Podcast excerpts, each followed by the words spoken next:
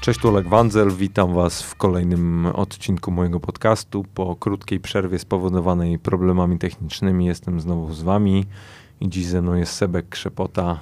Witam wszystkich. Witam Ciebie, Sebastian. Słuchaj, e, chciałbym z Tobą poruszyć bardzo newralgiczny temat z perspektywy każdego widza sportowego, no ale dla Ciebie jest to chleb powszedni, mianowicie chcę pogadać o mitycznym przygotowaniu fizycznym, ponieważ to, ile po prostu ja teorii słyszałem na temat tego, jak powinno się przygotowywać do uprawiania sportu, to już normalnie mógłbym z tego książkę napisać i chciałbym się ciebie zapytać przede wszystkim, czym dla ciebie to przygotowanie fizyczne dzisiaj jest, bo mi się wydaje, że to już nie oznacza tylko po prostu e, zrobienia kilku okrążeń przed i po treningu, prostego rozciągania i wyjścia na mecz, bo jest to dzisiaj dużo bardziej skomplikowane. Tak, myślę, że tutaj powiedziałeś mecz. Myślę, że jeśli będziemy się kierunkowali na piłkę nożną, przypuśćmy, czy na jakikolwiek inny sport mm, zespołowy, e, nie indywidualny, to jest jeszcze bardziej szerszy problem przygotowania fizycznego, ale wiele godzin spędziliśmy wcześniej rozmawiając o tym, e, co powinniśmy robić, co my, co my robiliśmy, szczególnie ty, e, trenując na poziomie e, profesjonalnym jak to wyglądało rok temu, jak to wygląda dzisiaj, jak to wyglądało 10 lat.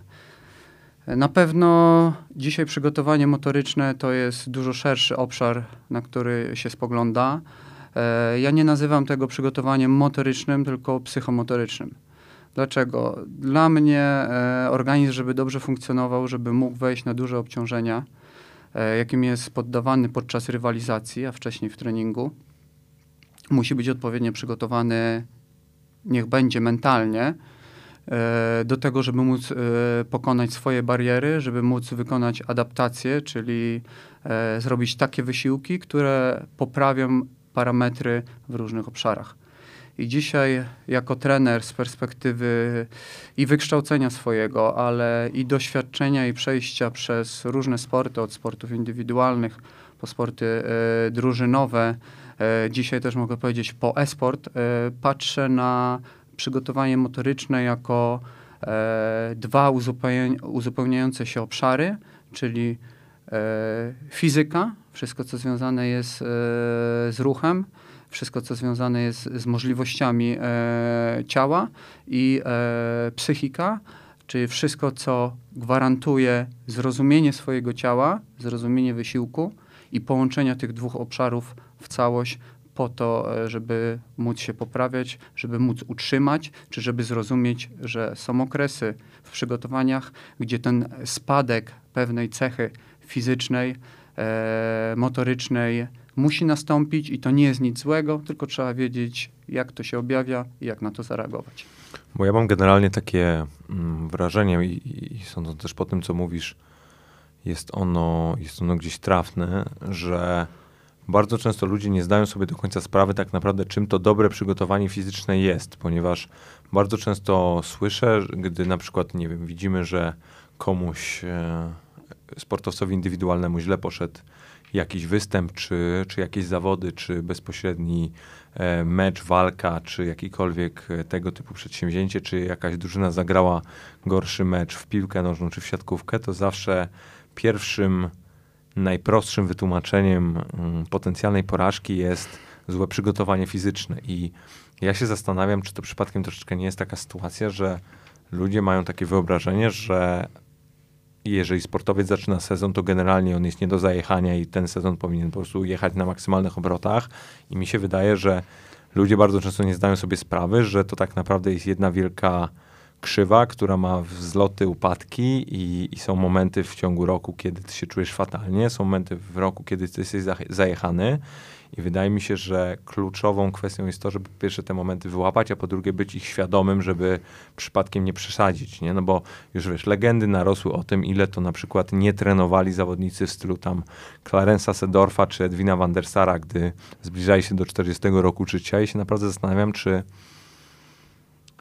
czy to wszystko jest takie proste, jak nam się wydaje, czy, czy że tak powiem, jest to tylko jakaś taka bardzo powierzchowna bariera, a, a, w tym, a za tym wszystkim stoi naprawdę konkretna nauka, której naprawdę trzeba, trzeba się postarać, żeby ją posiąść. E, wspomniałeś tutaj, bardzo się cieszę, o pewnej falowości krzywej. Jeśli ktoś chce zrozumieć wysiłek fizyczny, e, przygotowanie się do największego piku, warto, żeby zrozumiał zjawisko superkompensacji. To wszyscy trenerzy, którzy są po uczelniach wyższych lub, lub mają e, kursy, jak gdyby to jest abecadło do tego, żeby zrozumieć, co się dzieje z organizmem. Żeby móc budować swoją formę, musimy iść pewnej falowości. Ta falowość zaczyna się od, e, od, od poziomu zero. Ten poziom zero, przypuśćmy tutaj u e, zawodników, e, niech będzie e, piłki nożnej, to jest początek sezonu. Robimy sobie jakiś sprawdzian, który określa nam pewne cechy motoryczne.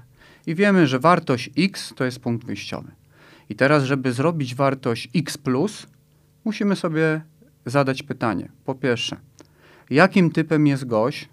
Jak on e, z nami trenuje parę lat, zbieramy o nim informacje, to możemy sobie to określić. To jest taki typ, reaguje na takie obciążenia, potrzebuje tyle czasu do wypoczynku, takie bodźce, żeby móc się e, rozwijać w pewnej cesze fizycznej typu wytrzymałość, siła, szybkość, ale e, potrzebuje tyle czasu odpoczynku, żeby po wykonanej pracy mógł optymalnie odbić. I teraz, jeśli odpowiemy sobie na to pytanie, ja jako trener zawsze na początku staram się znaleźć tą płaszczyznę wyjściową, w jakim stanie jest zawodnik. E, Do tego e, dobieram plan i obserwuję, jak naniesione e, założenia plus ich realizacja, bo nigdy nie będzie tak, że jest w 100% zrealizowane. Pomimo chęci zawodnika, pomimo chęci trenera, nie da się zawsze w 100% e, zrealizować, a czasami się da coś dołożyć. Tylko na bieżąco trzeba to w jakiś sposób e, zbierać informacje, o tym pewnie później trochę powiem. E, dochodzimy, stawiamy sobie plan i patrzymy i go realizujemy, czyli zadajemy bodziec. Zadajemy bodziec i mając wiedzę jako trener, że na dany bodziec organizm tak, a nie inaczej odpowiada. Czyli jak zmęczę swoje ciało w obrębie cechy wytrzymałości, to po wytrzymałości, żeby organizm się zregenerował, przyjmuje teoria, że potrzebuje ileś tam czasu. Niech będzie, że to jest 24 do 48 godzin. I teraz to jest duży przedział, 24 do 48 godzin. W tym zbiorze, w, w tym przedziale czasowym mieści się zbiór moich zawodników, z którymi pracuję. I ja zbierając o nich dane, staram się odpowiedzieć, komu po takim bodźcu jest potrzebne 24 godziny, której grup, komu jest potrzebne 36 godzin, a komu jest potrzebne 48 godzin. Jeśli zbieram takie informacje, a to jest mierzalne, można to zmierzyć poprzez biochemię, czyli parametry krwi, można to zmierzyć poprzez parametry e, mierzalne związane e, z dystansami, obciążeniem ciężaru, e, obciążeniem, wysiłkiem e, zawodnika podczas treningu meczu, na przykład przez system GPS. Można e, znaleźć odpowiedź układu e, nerwowego poprzez badanie e, HRV rytmu serca, czyli dobieram sobie jakieś narzędzia, które dają mi odpowiedź, coś, y, kto ile potrzebuje czasu na regenerację. I tak z każdą cechą. I do tego staram się dobrać taki bodziec, żeby określić sobie pik, czyli najlepszą dyspozycję. W sportach indywidualnych trenerzy e, zazwyczaj zaczy- zaczynają e, plan przygotowań od wyznaczenia sobie najważniejszego celu. Czyli pr- przypuśćmy Mistrzostw Świata, Mistrzostw Europy, niech będzie docelowo w cyklu czteroletnim Olimpiady. I teraz na poszczególnych odcinkach czasowych realizują założony plan po to, żeby ta krzywa z perspektywy bodziec zejście, z, czyli zmęczenie plus wyrzucenie była optymalna w tym, co sobie zakładają. I takimi okresami przygotowują się do wyznaczonego celu. W momencie tutaj e, podaliśmy sobie przykład wcześniej piłki nożnej. E, ten okres zupełnie polega na, czym, na innym planowaniu. E, jest falowość podczas sezonu. Jak obserwujemy sobie najlepsze drużyny, nie da się w, w okresie przygotowawczym, ten okres jest u różnych drużyn różnej długości, e, ale przypuśćmy, e, jest okres trzech tygodni e, okresu przygotowawczego, przez trzy tygodnie pewnych cech nie zbudujemy. Czyli teraz świadomie podchodzimy do planu przygotowania się do określonego piku. I teraz musimy sobie odpowiedzieć w takim klubie, gdzie jest nasz pik. Czy pik ma być... Czyli pozwolisz, że dopytam, moment, w którym z naszej perspektywy jest kluczowe, żeby doszło do jakiegoś najlepszego, do najlepszej formy w Tak cudzysłowie, jest, tak? tak Okej, jest. dobra. Najlepszej formy drużyny, ale e, drużyna składa się z różnych zawodników i tak jak wcześniej nadmieniłem, zbieram informacje o tym, kto jak się szybko adaptuje, ile potrzebuje do e, rozwinięcia pewnej cechy, ile potrzebuje odpoczynku i trenerowi przygotowuję informacje na ten temat. Ten zawodnik ma taki profil, czyli po wysiłku kształtującym e, e, szybkość, która e, i siłę, która później się odzwierciedla na dużych przyspieszeniach i hamowaniach. E, ten zawodnik może mieć taki bodziec i on dopiero uzyskuje swój pik po 5-7 treningach, czyli rozłożonych w czasie, e, ale potrzebuje przerwy między nimi 72 godziny. Ale inny zawodnik potrzebuje 48 godzin i wtedy trenerowi mówię, przy tym cyklu, jak gramy co 3 dni mecz, e, jak gdyby najlepsze predyspozycje psychofizyczne z cech niezbędnych do rywalizacji w piłce nożnej będą mieli ci i ci zawodnicy. I ci i ci zawodnicy mogą grać w odstępach trzydniowych. Ale zawodnik, przypuśćmy, kluczowy dla trenera, na dany pik, on może grać na początku, żeby dojść do swojej formy, nie co trzy dni, a co tydzień. Czyli generalnie stąd bierze się całe to pojęcie rotowania, tak? Tak jest. Ono wynika z indywidualnych cech każdego człowieka. Jeśli teraz odpowiemy sobie na pytanie, nie jesteśmy tacy sami. I to da się e, zbadać, ale je, jeden i drugi z nas możemy być na wysokim poziomie i gwarantujemy drużynie wysoki poziom. To teraz ja jako trener, wszyscy w sztabie mają się zastanowić, jak poprowadzić ciebie, jak poprowadzić mnie, żeby ten wysoki poziom był osiągany w danym momencie lub w danych momentach. I te rotacje, dobór obciążeń, dobór długości czasu trwania, wysiłku e, meczowego, ilości treningów zależy od zebranych informacji, planu i bodźca zadanego yy, i widzimy później tą falowość, która się jak gdyby przekłada na to, że ktoś dobrze w tym miesiącu lepiej, dobrze wystartowała drużyna na początku, później ma trochę zadyszkę, później znowu rośnie, a i tak finalnie na, trenerzy, którzy analizują wszystkie rzeczy, na to, że coś spada, nie reagują, bo oni wiedzą, że to wynika z ich planu i że taki okres przyjdzie. I teraz moim zadaniem jest pracowanie nad zawodnikami. Panowie, ten okres przyjdzie, on się będzie przejawiał takimi i takimi cechami i rozmawiamy z trenerami i może czasami trzeba zmienić taktykę i może czasami trzeba zrotować e, zawodnikami, ale za, za, zawodnikom mówimy, to jest normalne, ty masz taki organizm, to, że nie grasz dzisiaj albo potrzebujesz więcej pracy po to, żeby odpalić, bo w tym okresie nam jesteś potrzebny, my z nimi korespondujemy, rozmawiamy i jak gdyby oddzielamy ich od informacji, które dostają na zewnątrz, czyli że są słabi w tym okresie, że w ogóle nie trenowali, że się nie przygotowali, że jak to możliwe, że e, dwa tygodnie temu wygrali, byli optymalni, a po dwóch tygodniach już e, ani nie są przygotowani, ani nie potrafią grać, e, ani nie są mentalnie gotowi na to, żeby rywalizować. A jak tacy sportowcy reagują na takie wiadomości? Oni realnie są też tego świadomi, czy generalnie jak ty im coś takiego mówisz, to mówią, e, co on tam pierdoli, nie będę go, No, to jest go dobry, słuchał. To jest do, e, dobre pytanie. To, to e, przejście przez różne sporty, e, dotknięcie różnych zawodników, czy to w akademii młodszych, czy na poziomie seniorskim, czy, czy dzisiaj na poziomie e, kadry U20. No właśnie, bo ty miałeś, bo ty miałeś do czynienia z pływakami, z narciarzami, z żeglarzami, z piłkarzami, z tenisistami, no to generalnie już trochę tych różnych dyscyplin i, i osób żeś przećwiczył. No i tam miałem też do czynienia z bramkarzem. Miałeś, miałeś. No właśnie. E, Ale to, mnie- ciężki przypadek. był. To e, ja to traktuję e, jako rozwój i bardzo mnie to cieszy, że mogę ciągle dotknąć czegoś nowego, czyli wejść z, ze swojego pomieszczenia, w którym się znajduję, w którym e, w zbiorze wyzwań, które mam w danym czasie, e, mogę wyjść, czasami inaczej na to spojrzeć, spojrzeć z perspektywy innych wyzwań, e, dyscyplin i, i możliwości. Podam tutaj jeden przykład, który zawsze mi utkwi w pamięci. kiedy byliśmy na zgrupowaniu e, w, e, w Colorado Springs. E, to było półtora roku przed e, Igrzyskami w Londynie. Tam spędziliśmy, dwa razy byliśmy tam, e, cztery i pięć tygodni, dziewięć tygodni. To było z kadrą pływacką? To było z kadrą pływacką, ale tak naprawdę to było, e, byliśmy tam z trenerem e, Białeckim, e, z, z, Pa- z Pawłem Korzeniowskim i wtedy Mateusz Sawrymowicz trenował w Stanach i on do nas doleciał, czyli można powiedzieć, że we dwóch tam pracowaliśmy. Był z nami też Piotr Żmijewski, który wtedy reprezentował Instytut Sportu i nas wspomagał, czyli mieliśmy taki cały screening.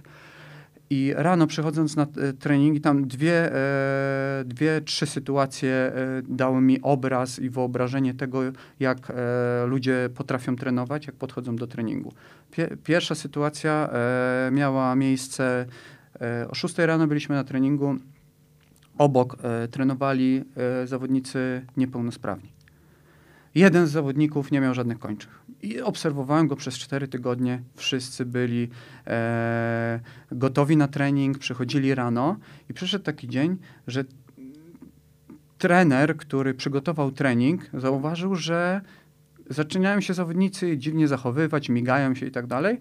Dał jedną informację, że panowie, koniec treningu, co będzie dalej ustalimy i pojechał. Nadmienię, że trener jeździł na wózku, też był inwalidą, czyli miał działał, e, rozumiał, co czują ci ludzie, ale też wiedział, że e, musi od nich wymagać. Ci goście w momencie przerwania treningu, oni byli zrozpaczeni. Oni nie wiedzieli, o co chodzi. Dla nich to była wielka tragedia. Oni siedzieli przez pół godziny na basenie i czekali, trener pojechał, nie mieli żadnej informacji, czy trening będzie po południu, kiedy będzie. To po prostu to było tak niesamowite doznanie, że zrozumiałem wtedy, jak dla takich ludzi, tych czy innych na świecie, co oznacza trening, jak oni są zaangażowani w niego, mają gorsze chwile, ale jak trenerzy też potrafią to wyłapać i jak potrafią zareagować. To była dla mnie pierwsza lekcja.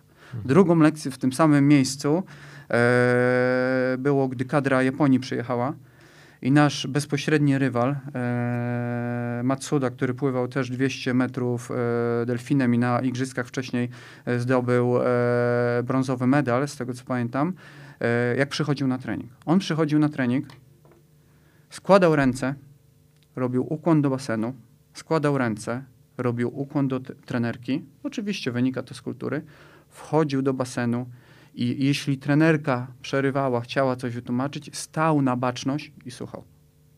To samo się działo po treningu. I trzecią z innego środowiska opcją, która mi też dała dużo do myślenia, był trening Duńczyków, gdzie do kadry duńskiej e, przyjechali e, spo, e, pływacy z różnych innych e, krajów. To było w Stanach, to e, akurat to byli pływacy, którzy w Stanach w klubach trenowali. I jak przyszedł trener, tam było kilku e, mistrzów olimpijskich. Jak przyszedł trener, goście mieli rozpływanie e, i rozgrzewkę.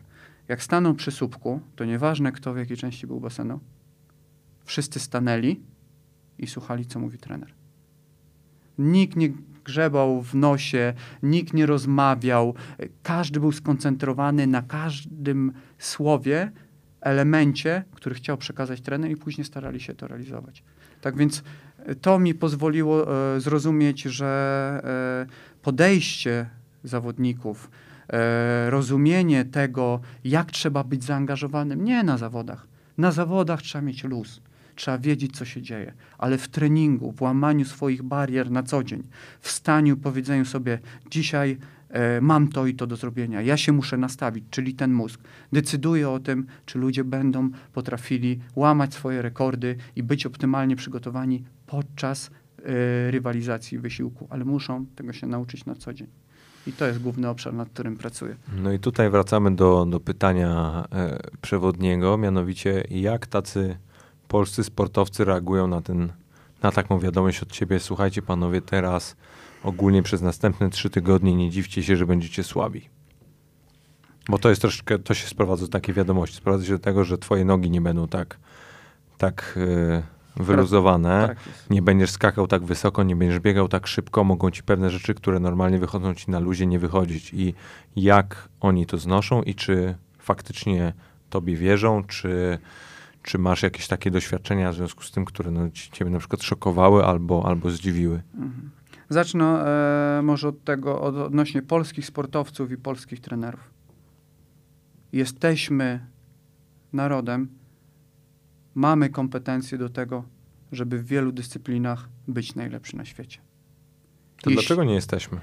Właśnie. Jeśli zrozumiemy, że nie ma ograniczeń w nas, otworzymy się na różne rzeczy, nie będziemy opowiadali, że e, mamy kompleksy różne, po prostu zrobimy, będziemy pewni tego, co chcemy zrobić, będziemy umieli to zakomunikować, nie będziemy się bali tego, że czegoś nie wiemy, nie będziemy się bali tego, że nie jesteśmy doskonali, ale będziemy chcieli się poprawiać i zrozumiemy swój potencjał i zbiór cech, to będziemy w stanie rywalizować na najwyższym poziomie. Moje doświadczenie z różnym sportem i zawodnikami e, też e, na poziomie niech będzie e, najwyższym w naszym kraju.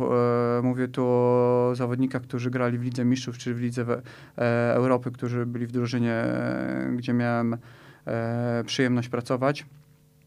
Każdy z nich ma różny potencjał. Każdy z nich ma różne cechy. I jeśli się nie będą bali tego, że są inni niż koledzy, ale mogą coś dać drużynie i potrafią wykorzystać swoje dobre cechy, dobre strony do tego, żeby dać wartość dodaną, a nie martwić się, a zrozumieć, jakie są ograniczenia i nie dać tego, jak gdyby w meczu na co dzień e, obnażyć, pokazać, będą w stanie rywalizować na najwyższym poziomie. Moje doświadczenie dzisiaj, jak patrzę na młodych ludzi w polskim sporcie, jest takie, że możemy rywalizować z najlepszymi. Oni dużo czytają. Internet, e, koledzy z zagranicą, którzy trafiają do najlepszych zespołów, akademii, e, koledzy starsi, z którymi oni się spotykają na zawodach i rozmawiają, e, budują im pewną świadomość. Świadomość w tym kierunku, że też mogą tam być, świadomość w tym kierunku, że e, ci mistrzowie, których dotykają, czy tych koledzy, którzy byli e, przed chwilą na takim samym poziomie jak oni, a poszli e, rok później do lepszego klubu, rozmawiałem z nimi, niczym się można powiedzieć na co dzień od, nim, od nich nie różnią, ale cechuje ich to, że oni są e, sfokusowani na to, co chcą robić, przyjmują, że można robić inaczej, są na to otwarci i nie boją się powiedzieć, że czegoś nie wiem, czegoś nie umiem. I dzisiaj moje doświadczenie jest takie, że e, coraz mniej zawodników e, mówi, że wszystko, wszystko wie, wszystko umie, że jest najlepszy. Oczywiście, wracając do Twojego pytania, jak, mam, e, jak ja robię z przekazaniem takiej informacji, że nie bój się, teraz będziesz miał przez miesiąc czasu, trzy tygodnie, dwa tygodnie, tydzień czasu gorsze predyspozycje. Ja, ja najpierw zbieram informacje o tym, jaki człowiek jest, e, zawodnik jest z perspektywy jego reagowania na pewne informacje. Czyli jak on subiektywnie ocenia swój stan, jak reaguje w momencie zwycięstwa, jak reaguje w momencie porażki.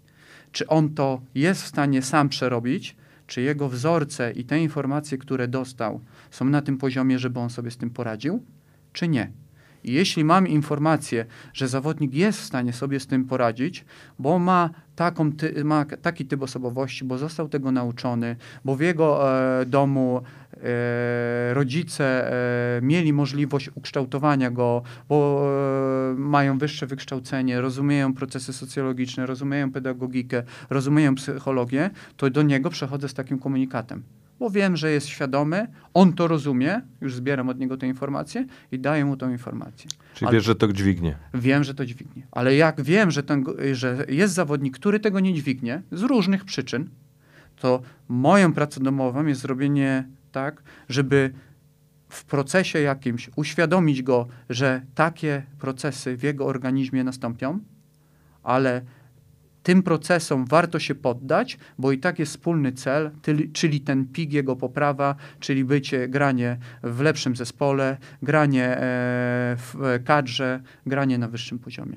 I wtedy ja jako trener, my jako sztab decydujemy komu, kiedy i jakie informacje przekazujemy, Oczywiście, dbając o to, żeby drużyna ze sobą korespondowała, ale też komunikujemy z poszczególnymi zawodnikami, którzy mają mniejszą lub większą świadomość, żeby oni w grupie u siebie tworzyli między sobą pewność siebie.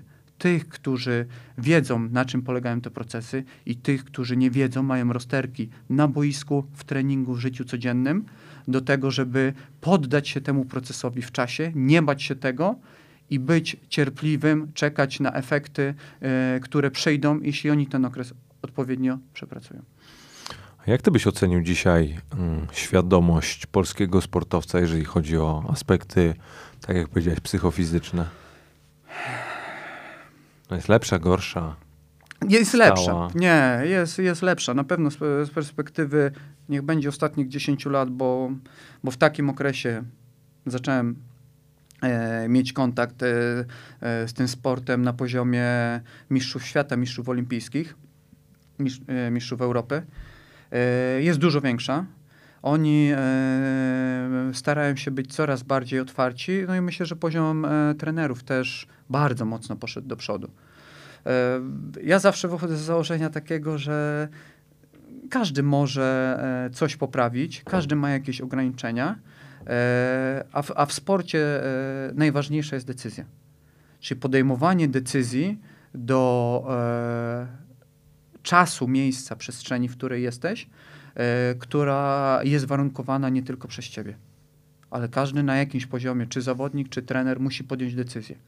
I teraz, jeśli osoby, niech będzie kibic, e, niech będzie e, dyrektor sportowy, niech będzie jakiś przełożony, daje mi obszar do działania, to ja chcę mu przedstawić plan, wytłumaczyć, jak to widzę. Na, na poziomie gdzieś tam planowania chcę ustalić spójność. Chcę przedstawić za, przeciw.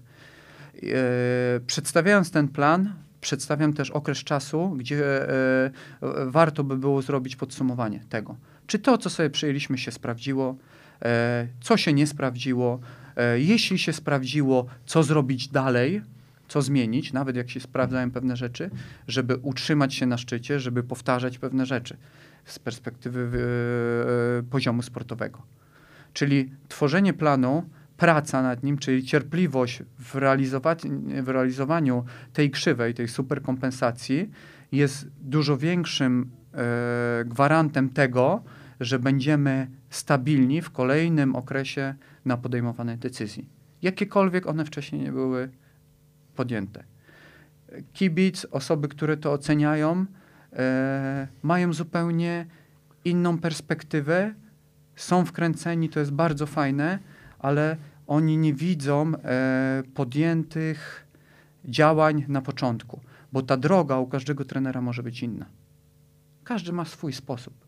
Tylko żeby móc powiedzieć, czy ona jest bardziej czy mniej trafna, to się dzieje w czasie, trzeba ją przepracować. Jeśli kończymy ją w połowie, w 25% przepracowanych, w 75%, to nasze podsumowanie nigdy nie będzie na tyle optymalnie trafione do założeń, które chcieliśmy realizować. I teraz my, jako e, trenerzy, e, zawodnicy, jako osoby, które tak naprawdę decydują o tym, czy ta praca się przełoży, bo ja jako trener jestem odpowiedzialny za zawodnika do momentu, kiedy on nie wyjdzie do rywalizacji. Bo jak on wychodzi do rywalizacji, to on już jest odpowiedzialny za mnie. Bo ja mu coś dałem, mu pomogłem, ale nie będę rywalizował. Ale on w tą pracę, jeśli uwierzy, to on musi być tak sfokusowany i tak wierzyć w pewne rzeczy i tak je realizować po drodze, żeby to mogło przynieść efekty. I ja patrząc na sportowców, odpowiadając na to pytanie, twierdzę tak. Tak, dzisiaj się zmieniła świadomość e, młodych ludzi.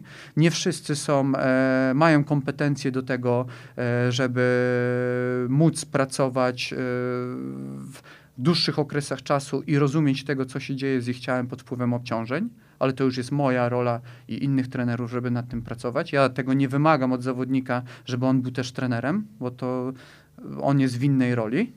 I czy możemy e, powiedzieć, że są ekstremalne sytuacje w rozumieniu tego, tak jak powiedziałeś, czy miałem w życiu? Tak, miałem. Mam kilku zawodników, z którymi e, spędziłem dużo czasu na analizie i nauczeniu e, ich tego, co się dzieje z organizmem. I uważam, że to przynajmniej dla mnie to nie był czas stracony.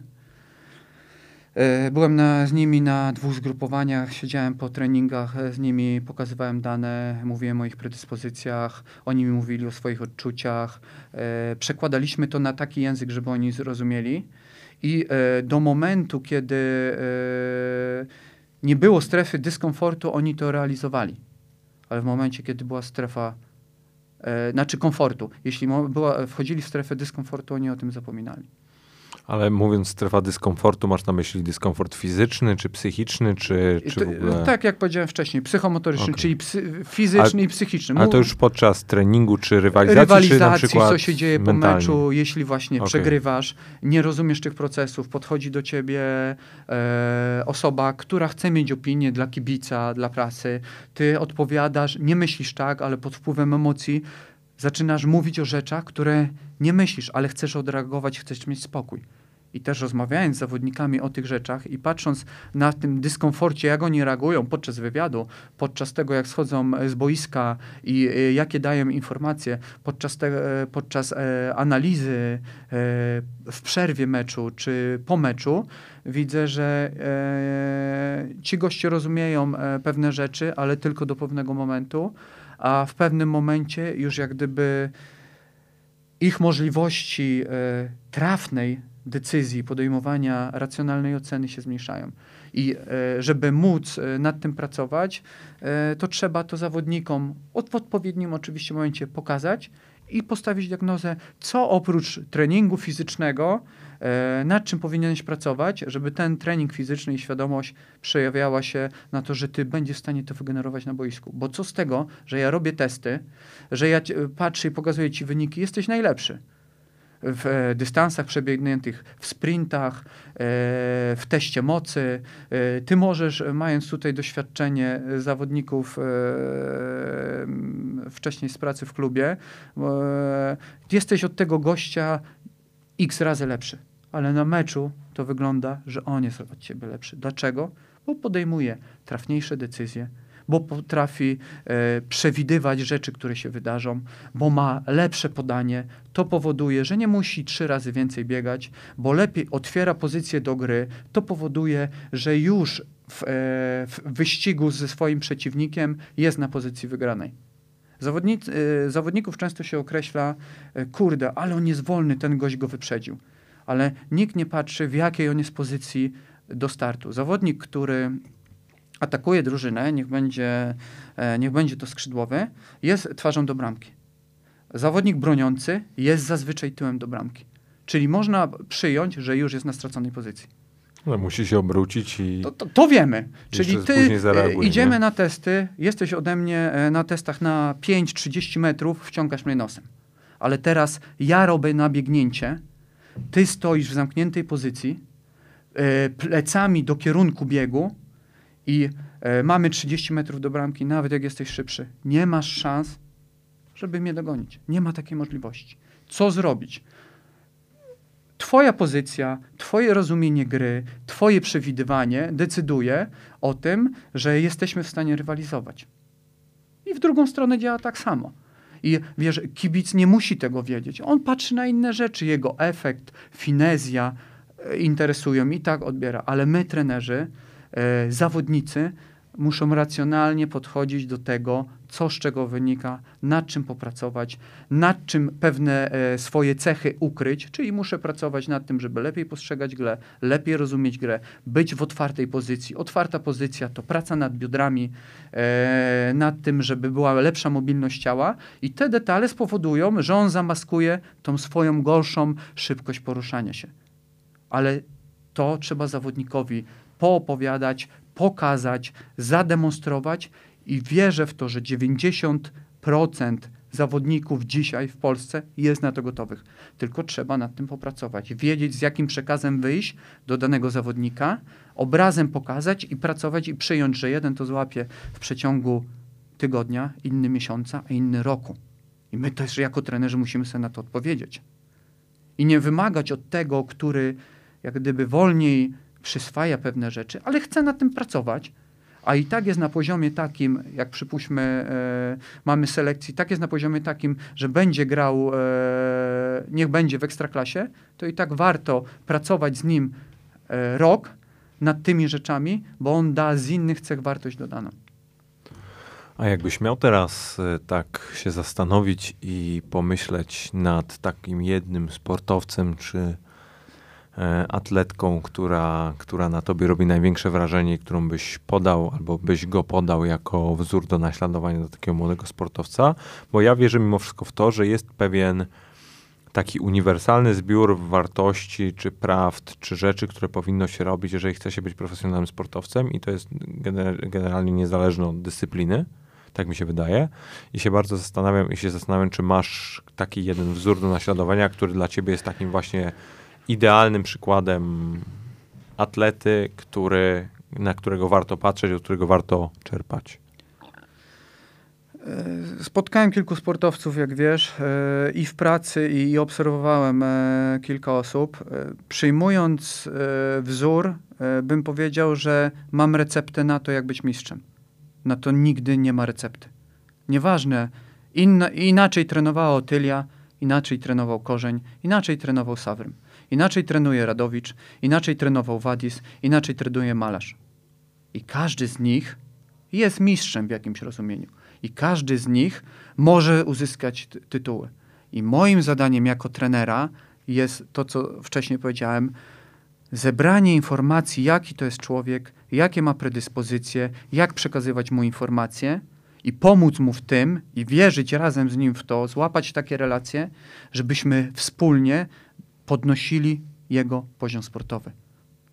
I e, takim wzorem dla mnie, nie podając nazwisk, są wszystkie osoby, które chcą być ze sportowców, które chcą być e, lepsze, które chcą się poprawiać i które decydują się na łamanie swoich barier, czyli na walkę z samym sobą, po to, żeby stanąć na najwyższym poziom, poziomie.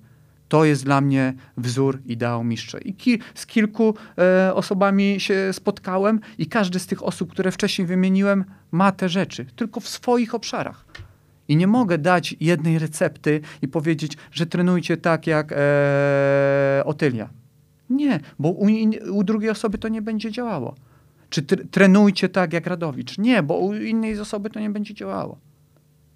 Ja muszę poszukać i zrobić wszystko, żeby namówić tych sportowców, z którymi mam na co dzień, e, z którymi na co dzień pracuję, niezależnie od e, poziomu, czy to będzie poziom seniorski, e, czy to będzie poziom e, młodzieżowca, czy to będzie poziom e, małego dziecka, czy to będzie poziom amatora, zrobić weryfikację tego, jaki mam zbiór cech, jakie informacje docierają, na czym mogę bazować, żeby poprawić poziom danego człowieka, zawodnika. A tak jakbyś swoim fachowym okiem mógł mi powiedzieć, bo to do mnie trafia i, ja, ja kupuję to, że nie wszyscy są tacy sami, że każdy ma jakiś swój własny sekret czy przepis na to, jak do tego mistrzostwa dojść, ale wiesz, oglądając jakiekolwiek na przykład sporty zespołowe, bo to zazwyczaj najlepiej na, na ich przykładzie to widać, i zestawiając ze sobą powiedzmy, nie wiem, Ligę Polską w piłce nożnej, Ligę Angielską w piłce nożnej, albo koszykówkę europejską versus koszykówkę amerykańską, to choćbyś nie wiem jakim laikiem nie był, to gołym okiem widać, że ci goście biegają szybciej, skaczą wyżej, są mocniejsi i generalnie aż, nie wiem, tryskają energią. Ja się zastanawiam, z czego to wynika, jeżeli faktycznie, no, mimo wszystko gdzieś tam wszyscy jesteśmy ludźmi i generalnie powinniśmy mieć w miarę podobne możliwości no. I jakieś takie no, predyspozycje do tego sportu, no bo finalnie każdy z nich jest profesjonalnym sportowcem, każdy z nich gra na jakimś wysokim poziomie czy relatywnie wysokim poziomie, a często jest na przykład tak, że e, spotykają się te drużyny w europejskich pucharach i wcale ta drużyna na przykład z Anglii nie jest lepsza od drużyny z Niemiec, Hiszpanii, Francji czy z Polski, nie? I i pytanie, skąd się bierze ta taka dysproporcja, nawet czysto optyczna? Czy moim wnioskiem z, e, ze sportow, e, z pracy ze sportowcami, e, które miałem do tej pory, jest taki, że sportowcy, jak ich zapytasz o skalę odbioru treningu, obciążenia, e, to powiedzą ci, że ciężki trening wykańczający był treningiem, e, który miał cechy treningu wytrzymałości. Sportowcy nie rozluźnia, e, większość sportowców e, u nas, szczególnie też w dyscyplinach e, drużynowych, nie rozróżniają, co to jest wysiłek, moc, co to jest szybkość, kształtowanie szybkości, co to jest wytrzymałość. Jeśli robimy, przypuśćmy, odcinki 30-metrowe i staramy się je zrobić na maksa i robimy je e, na maksa, ale przerwa jest jedne, w jednym odcinku niech będzie dziesięciokrotna do długości wysiłku, niech będzie jedna minuta, w drugim odcinku jest 30 sekund, w trzecim odcinku jest 10 sekund, to każdy z tych odcinków już wchodzi w inne cechy. Oni tego nie rozróżniają. Im to nie jest dane. Jeśli mamy takich odcinków 40 i mamy małą przerwę i trener mówi cały czas na maksa i codziennie jest na maksa, to jest kształtowanie bardziej wytrzymałości szybkościowej niż szybkości. I teraz oni są w stanie rozwijać pewien parametr, ale różnice między tymi, to co powiedziałeś, zawodnikami na najwyższym poziomie, oni wiedzą, gdzie zrobić, zaangażować się na full, kiedy jest trening szybkości i co to oznacza, że ten trening szybkości nie może trwać 5 godzin, jak niektórzy zawodnicy trenują, bo to jest kształtowanie innej cechy.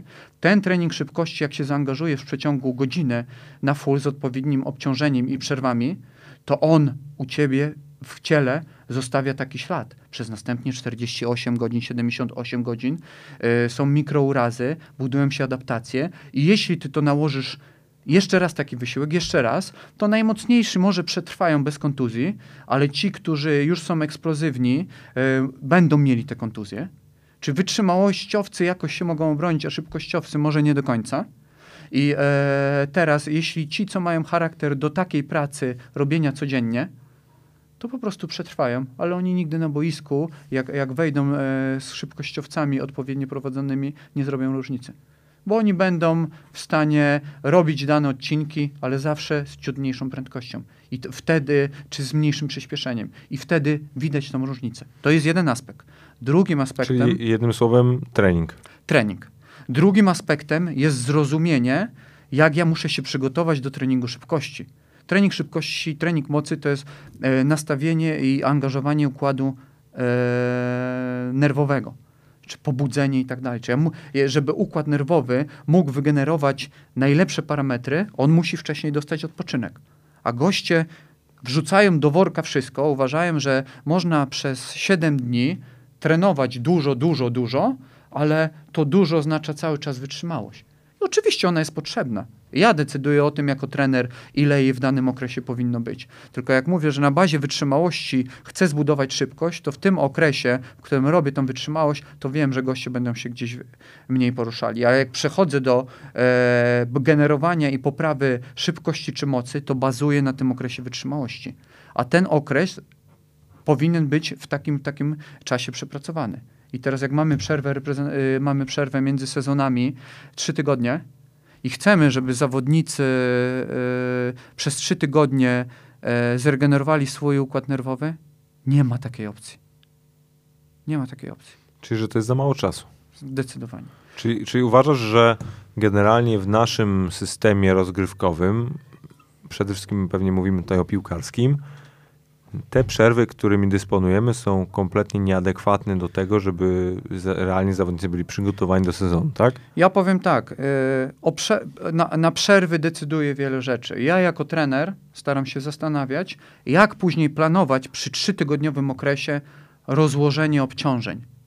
Czyli jak zrobić, żeby ten układ nerwowy jeszcze mógł się regenerować. No dobra, tylko poczekaj, tylko że to jest dostosowanie się do pewnego, do pewnych realiów, nie? Ale Dokładnie tak. rozumiem, że docelowo raczej wolałbyś, żeby ta przerwa była dłuższa. O- Oczywiście każdego trenera, każdego periodyka, każdego fizjologa, każdego, e, każdą osobę, która wie, jak funkcjonuje organizm, jakby ci wypisał, kiedy, ile potrzebujesz przerwy, oczywiście to jest indywidualna, to ci powie, be, e, nie ma przypadku, to ci powie, że ileś tygodni potrzebujesz na regenerację. Ja po kadrze U20 miałem przyjemność porozmawiania e, z zawodnikami, którzy trenują e, w Niemczech.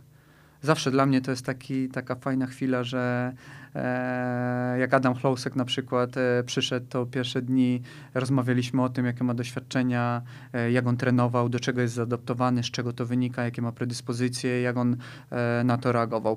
przychodzili inni zawodnicy, pamiętam rozmowę z Wadisem, też mi opowiadał, jak było w Anglii, jak oni trenowali, porównywał do tego, do czego jest przyzwyczajony i tak dalej. Tak więc teraz, jakbym miał optymalnie przygotować zawodników, to bym powiedział, układ nerwowy po częstym graniu, po wymaganiu dużej intensywności, po e, stresie związanym z e, wszystkim dookoła, co się dzieje, e, potrzebuje tyle i tyle odpoczynku. I to by e, później e, mogło się gdzieś tam przełożyć na planowanie i się przekładało u nas, e, jeśli chodzi o, o drużynę, że okres przygotowawczy, nawet jak on się zaczyna wcześniej, to on ma inny akcent. My meczami musimy dojść do ich optymalnej formy ale podejmujemy świadome ryzyko. Siadamy e, z koordynatorami, z dyrektorem sportowym, z prezesami, z właścicielami, mówimy, organizm ma takie możliwości. Ci goście, podsumowujemy wcześniejszy sezon, ci goście mieli takie parametry, te parametry spadają. Wynika to z A, B, C i D. I teraz, żeby te parametry podnieść, oni potrzebują indywidualnie jako drużyna takiego sposobu podejścia. Ale jest ryzyko. Bo jak oni potrzebują e, tego odpoczynku, ale po drodze mamy ważne rzeczy, które się wydarzyły. I teraz pytanie jest, czy my ściągamy nowych zawodników, ich poznajemy, czy my rotujemy składem, czy my tych, którzy mają predyspozycję do szybszej regeneracji, czyli bardziej wytrzymałościowców, wykorzystujemy w tej pierwszej części, a dajemy tym zawodnikom szybkościowym i mocowym dojść do siebie e, meczami, czy tym okresem przygotowawczym, rozłożonym już e, w momencie okresu startowego i tym dozujemy, ale wszyscy muszą być na to otwarci, żeby zawodnik był stabilny w tym, co mu przekazujemy, jaka jest wiedza o organizmie, jaka jest wiedza o e, fizjologii, i e, jaki jest plan dostosowany do tego, żeby wszyscy, czyli cała drużyna, zbiór różnych cech, mogła na samym końcu osiągnąć sukces. Czyli niech będzie zdobyć Mistrzostwo Polski, zdobyć Puchar e, Polski, występować w rozgrywkach europejskich. To e, je, ja przyjmuję tak, mogę, mogę się mylić i chcę się rozwijać ale jeśli jedna drużyna nie wchodzi, druga drużyna nie wchodzi, trzecia drużyna nie wchodzi, dzisiaj mam przyjemność pracowania e, z trenerami i korespondencji z trenerami z różnych klubów. I oni naprawdę mają wiedzę i chcą dobrze, ale oni fizjologii nie przeskoczą. Jeśli jest parcie, masz w pierwszym meczu reprezentować taki poziom sportowy, w drugim meczu, w dwudziestym meczu, w czterdziestym meczu, niezależnie czy tych meczów jest w odstępie tygodniowym, e, trzydniowym, dwudniowym, czterodniowym, to po prostu to są źle założo e, złe założenia, nieadekwatne do możliwości organizmu. Czyli popraw mnie, jeżeli źle to rozumiem, ale z tego, z tej twojej wypowiedzi, to mi się klarują takie trzy punkty, które gdzieś decydują finalnie o tym, że ktoś może być lepiej przygotowany od od, od innej osoby. No i to jest pierwszy punkt, to jest mądry trening. Drugi punkt to jest pełna koncentracja na tym, co jest obecnie do zrobienia, czyli jeżeli masz do przebiegnięcia 10 km, to biegniesz 10 km. Jeżeli masz bardzo intensywny 45-minutowy trening, to robisz 45 minut Jeśli więcej. masz do zrobienia y, e, 20 pasów, to one nawet Na w treningu, y, nawet w treningu spokojnym, z dużą przerwą, one muszą być z tak samo wykonaną siłą i dokładnością, jak warunki meczowe. To, to jest bardzo istotne i jest e, trzeci punkt i to chyba jest bardzo gdzieś niedoceniany aspekt, choć może, może ostatnio jest lepiej, no to to jest kwestia odpoczynku. Zdecydowanie. Yy, bo mogę powiedzieć tak, z, z trenerami spędziliśmy ostatnie e, dwa tygodnie bardzo intensywnie, najpierw na zgrupowaniu, gdzie zbieraliśmy informacje o zawodnikach z kadry U20. Później przez tydzień każdy z nas e, przygotowywał raport, e, dane, które były zbierane. Wczoraj mieliśmy długą debatę w związku, każdy przedstawił jak gdyby swój obszar. I dzisiaj e, chcemy postawić na jedno. wybraliśmy najlepszych gości w Polsce. Oni są najlepsi, bo pracują z nimi w klubach. Dzięki trenerom i klubom oni mają, mo, e, my możemy e, grać z, z nimi, przygotowywać się do Mistrzostw Świata. I teraz e, nad czym oni mogą pracować? Nad właśnie poprawą świadomości lub wprowadzeniem tej świadomości, bo część tych informacji oni dostali od jednego trenera, drugiego w klubie, tylko nie są wytrwali w jej realizacji, a trener w klubie naprawdę ma utrudnione możliwości, żeby skontrolować 30 gości. Jeszcze w realiach, z całym szacunkiem e, naszych możliwości e, klubowych, przy sztabie jakby pracowało 15 osób, to by mogło nie iść spać i jest tyle rzeczy do zrobienia, a często w klubach pracuje 5 osób. Czy, a muszą oni też odpocząć, muszą być na odpowiednim flow, żeby, żeby coś przekazać zawodnikom. I e, zwróciliśmy uwagę, są trzy założenia. Budowanie świadomości, zwrócenie uwagi na e, poziom regeneracji e, i odpoczynku, e, regeneracji i, i dozowania obciążeń. I trzecia rzecz, zrozumienia tego, co oznacza być zaangażowany w trening, niezależnie od tego, jakiego charakteru jest trening. Bo można być zaangażowanym, e, nie biegając dużo, poruszając się w truchcie, ale być skoncentrowanym. Być, e, przyjmować informacje i starać się e, zrobić w mniejszej intensywności dane zadanie.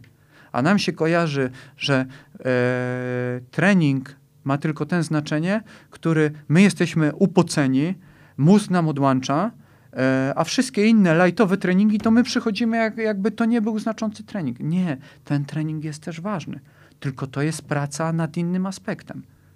Zawodników, jak obserwuję po meczu, zawodnicy chcą oceniać swój występ schodząc z murawy. I jak słyszysz w szatni, co oni mówią, jakbyś to nagrał, i później z nimi siadasz i tu włączasz, to oni nie wierzą, że oni to powiedzieli, bo są po prostu w innym stanie. Reagują emocjami i to jest coś normalnego. Tylko ja jako trener, jak wejdę do szatni i też zareaguję emocjami, to część zawodników przyjmie to tak, że oni przez kolejne trzy dni będą o tym myśleli, co powiedział im kolega, co powiedział im trener, i oni zamiast te trzy dni się zregenerować do treningu kształtującego, do, do meczu, oni po prostu będą cały czas mieli układ nerwowy obciążony, oni się nie zregenerują i oni w kółko zamknięte jest cały czas są w stanie, który nie pozwala im wchodzić na najwyższy poziom, łamać bariery i w treningu, a później w meczu.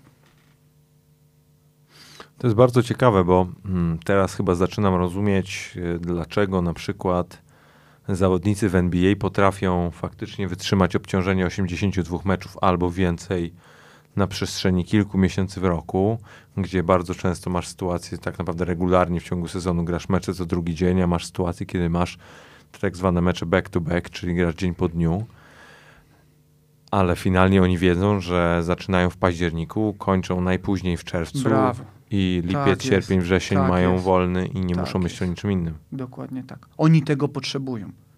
I oni fizykę, e, w sensie nawet wagę ciała i tak dalej, to na poziomie e, sportu profesjonalnego, dużych obciążeń, takie organizmy szybko zrobią. Ale układu nerwowego, tego co nie widzimy, na to potrzeba czasu. A my mówimy, że e, my dzisiaj nie potrafimy, czy to, co, co wcześniej wspomniałeś, nawet laik widzi, że jest różnica w intensywności. Ta intensywność, e, po, e, różnica w tej intensywności jest na, różnica wynika z tego, że świadomość o wysiłku, o tym, jak trzeba się regenerować, co trzeba robić w przerwie i jak trzeba się zaangażować w każdą jednostkę, niezależnie od jej charakteru i intensywności. Sebek, słuchaj, bardzo Ci dziękuję. Dziękuję bardzo. Mam Naprawdę. nadzieję, że, że daje do myślenia e, i sobie, i, i tobie. I myślę, że w kolejnym, jak gdyby naszym spotkaniu, jakimkolwiek ono nie było, znajdziemy z tego jakieś wnioski i, i będziemy mogli być e, lepsi i pomóc tym naszym zawodnikom, e, którzy później reprezentują nas e, w świecie, czy to w klubach, czy to w kadrach. To na pewno, ale bym Cię chciał jeszcze o jedną rzecz na sam koniec poprosić. To jest coś, o co zazwyczaj wszystkich moich gości proszę. Mianowicie mm, chciałbym, żebyś podzielił się z nami jakąś swoją myślą, czy, czy, czy, czy pewnym, nie wiem, słowem, które, które jest dla ciebie ważne i które według ciebie mogłoby nas zostawić w takim czymś do kontemplacji, bo ja mimo wszystko wierzę w to, że, że od każdego człowieka można się czegoś nauczyć i chciałbym się ciebie zapytać, czy masz coś takiego, z czym byś chciał się z ludźmi podzielić? Tak. E, Dużo rozmawialiśmy w gronie e, ludzi, którzy razem gdzieś tam pracowali ostatnio. Sukces sportowca, to co mieliśmy stworzone pracując razem, zależy od ludzi, którzy są z boku. Od kibiców, od ludzi, którzy pomagają w organizacji, od ludzi, e, którzy przygotowują jedzenie, od uśmiechu, od przyjaznej atmosfery, od zrozumienia, od wsparcia. I moja główna myśl e, i e, takie wyobrażenie o tym, e, jak powinno się pracować i jak można uzyskać najlepsze efekty. Dzisiaj mam przyjemność pracowania w takim sztabie przy U20 z tymi ludźmi, którymi wcześniej się spotkałem, których e, 4 lata temu jeszcze nie znałem żadnego z nich. Mamy podobne podejście, razem się wspieramy, razem w ciężkich chwilach rozumienia każdego z nas, e, e, takiego prywatnego, ale też i sportowego, e, ciągniemy się do góry i wiemy, że e, możemy to przełożyć na zawodników i, e, i to jest jeden z aspektów, najważniejszy chyba, czyli czynnik ludzki, relacje ludzkie, wsparcie e, wzajemne do tego, żeby sportowiec mógł osiągać sukces. Nie hejtowanie. Oczywiście można się wypowiedzieć, ale pamiętajmy, że ci sportowcy są ludźmi. Oni też przeżywają różne rzeczy. I oni z założenia chcą być najlepsi. Chcą wygrywać. Nie chcą robić fuszerki. Oni, ch- on- oni chcą być mistrzami. Tylko, że po prostu tak jak każdy z nas w różnych obszarach mają niedoskonałości. I czasami nie wychodzi. I czasami nie wychodzi. Ale mówienie, że oni nie chcą, trzeba być tam w środku. Trzeba zobaczyć, jak oni to przeżywają. Trzeba zobaczyć, ile, e, jak oni się frustrują na siebie, jak im coś nie wychodzi. Jak nie rozumieją pewnych procesów. I jeśli dookoła środowisko, które jest przy nich, rozumie to i ich wspiera, oczywiście trzyma w ryzach, ale ich wspiera, nieważne czy przegrywają, czy wygrywają, jest stabilne, oni mają dużo większą szansę na to, żeby uwierzyć w siebie i w swoje możliwości, które mają i przełożyć to na wynik. I tego życzę wszystkim e, trenerom i zawodnikom, żeby mieli jak najwięcej ludzi dookoła siebie takich, żeby móc osiągać sukces. Sobie pięknie dziękuję. Dziękuję.